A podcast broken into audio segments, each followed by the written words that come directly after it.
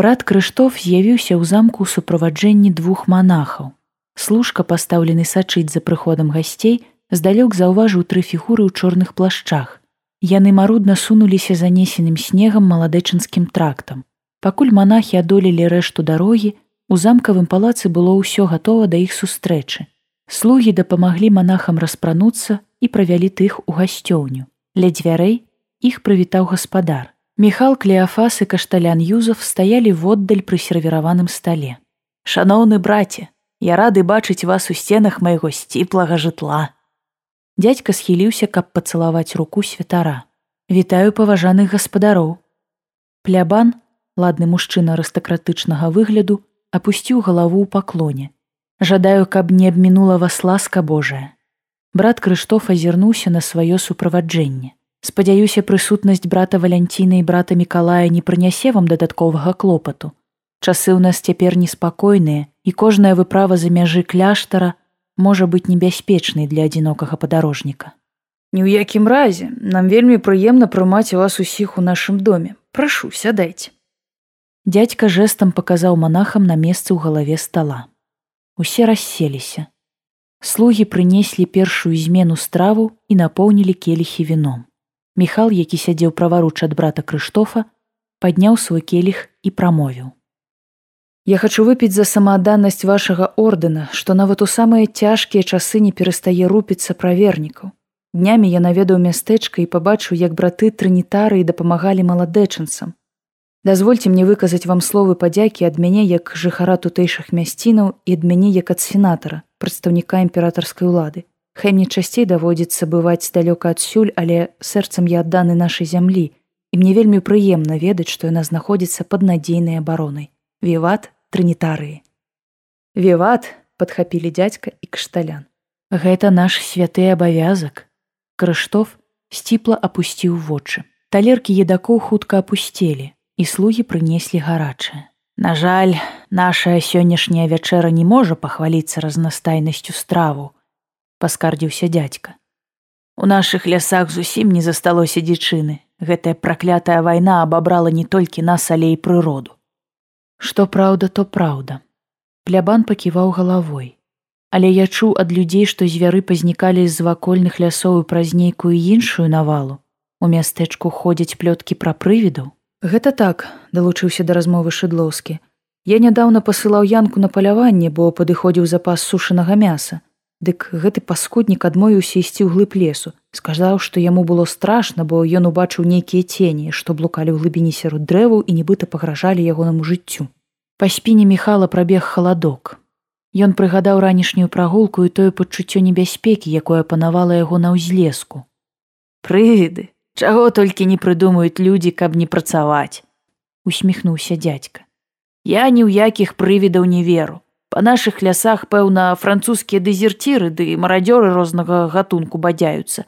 Вось гэтая свалата можа ўяўляць пэўную небяспеку.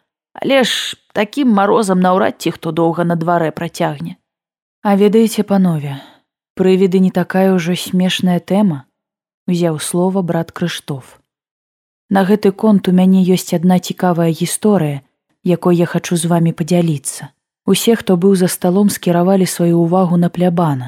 Вядома, што для касцёла няма паняткаў свой ці чужы. Усе людзі роўныя перад Богам. Таму ордэн падчас вайны даваў прытулак усім, хто прасіў нашай дапамогі. Не зразумейце мяне няправільна, пані сенатару. Брат Крыштоф лёгка нахіліў галаву ў бок міхала. Але былі сярод такіх і жаўнеры Наполеона. Ні ў якім разе ваша міласэрнасць робіць вам гонар, Міхал пакланіўся ў адказ. Я хачу расказаць вам пра адзін дзіўны выпадак, што адбыўся падчас нядаўняга адступлення.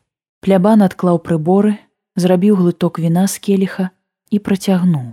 За некалькі дзён да бамбардавання ў наш кляштар прынеслі параненых салдат. Мы размясцілі іх у нашым шпіталі, пад які давялося прыстасаваць яшчэ некалькі манаскіх келляў.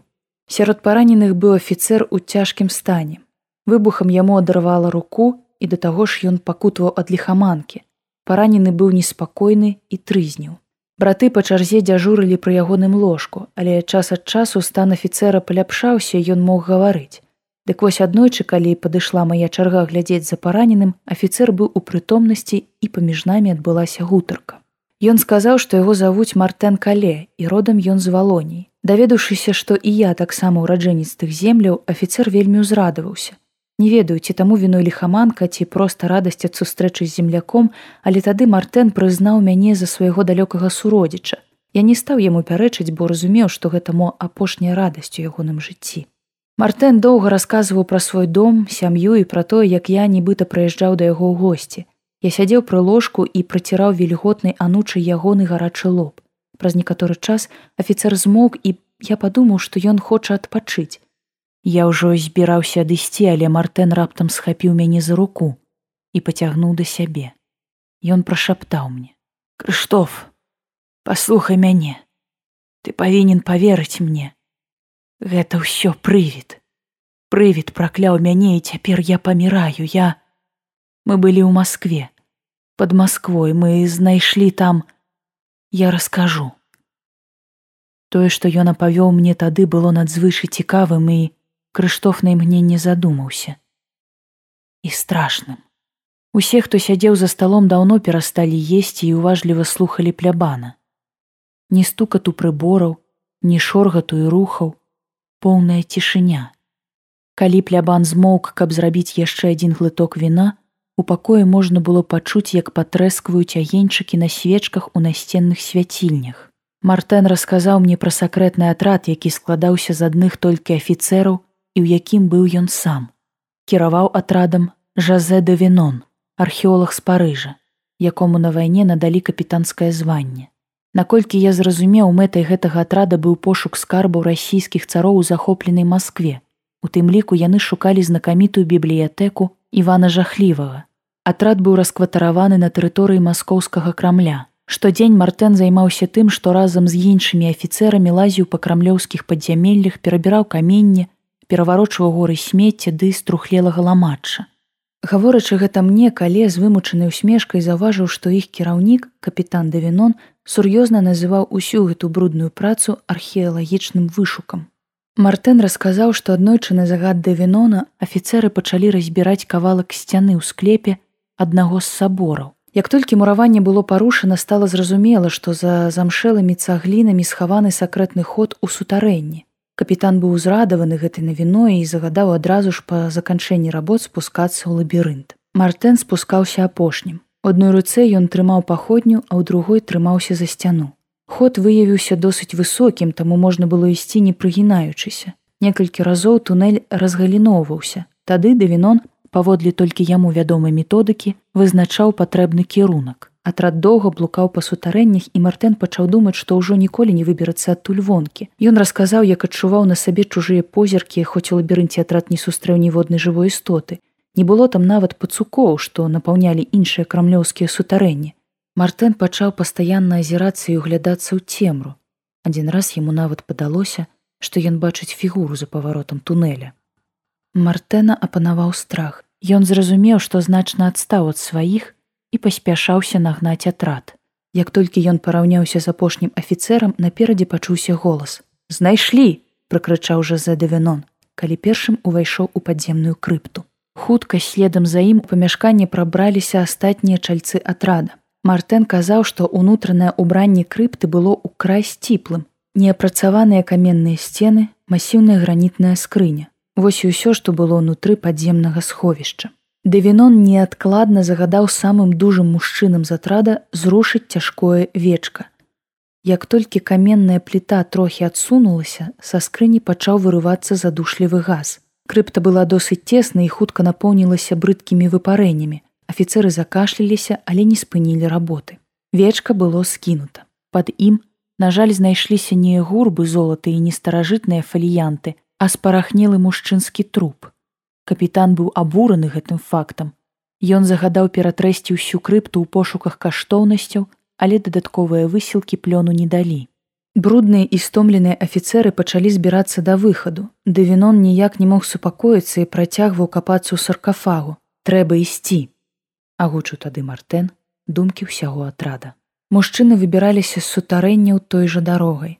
Афіцэр зноў ішоў апошнім. У тунэлі ён азірнуўся і заўважыў цьмянае святло, што напаўняла пакінутую крыпту. Спачатку Мартэн падумаў, што гэта нехта забыў унутры запаленую паходню, але святло, што лілося з прахону, мела мала агульнага з водбліскамі агню. Афіцэр бачыў, як з няяснага святла фармуецца нібы з цеста празрыстая фігура, чалавечая постаць. Мартэн развярнуўся і ўжо больш не азіраўся. Ён прызнаўся мне, што баяўся тады нават дыхнуць. Ён быў упэўнены, што пабачыў прывід. Гэта быў нябожчык з каменнай скрыні. Дакладна ён, сказаў мне афіцэр і скруціўся ад моцнага прыступу кашлю. Я падаў яму вады і змяніў кампрэс на ілбе. Праз хвіліну Мартэн зноў мог гаварыць. Ён расказаў, што пасля выхаду на паверхню капітан Давінон надоўга пакінуў іх атрад. Археолог выправіўся ў стаўку імператара з дакладам, таму цэлы тыдзень афіцэры маглі спакойна адпачываць. Неўзабаве французскія войскі пачалі рыхтавацца да адыходу з Масквы. Атрад Давінона далучыўся да асноўных сілаў. Спачатку мужчыны трымаліся разам, але потым прыйшоў загад камандавання і атрад расфармавалі. Усіх афіцэраў прызначылі на камандныя пасады ў нейкім з палкоў. Калі захварэў адзін з іх, малады віконт Мішель Перэ, Мартэн даведаўся пра гэта першым. Афіцэр разам з іншымі чальцамі пашуковага атрада часта наведваў маладога чалавека ў перасоўным шпіталі і з жахам назіраў за тымі зменамі, што адбываліся з мішэлем падчас хваробы. Хлопец хутка губляў вагу. Ягоныя некалі ружовыя шчокі валіліся і збялелі. Афіцэр расказваў мне, якімі чырвонымі і сухімі зрабіліся вочы маладога чалавека. Такія самыя вочы я сам мог назіраць у мартэна падчас нашай з ім размовы. Малады афіцэр страціў магчымасць гаварыць, увесь час мычэў і калыхаў рукамі. Чым далей заходзіла хвароба, тым больш буяным і неўтаймаваным рабіўся перэ. Ён пачаў кідацца на наведнікаў і аднойчы укусіў з руку лекара, які спрабаваў яго пакарміць. Мартэн не змог сачыць за далейшым лёсам маладога афіцэра, бо іх полк увязаўся ў сутычку з нерэгулярнымі сіламі праціўніка.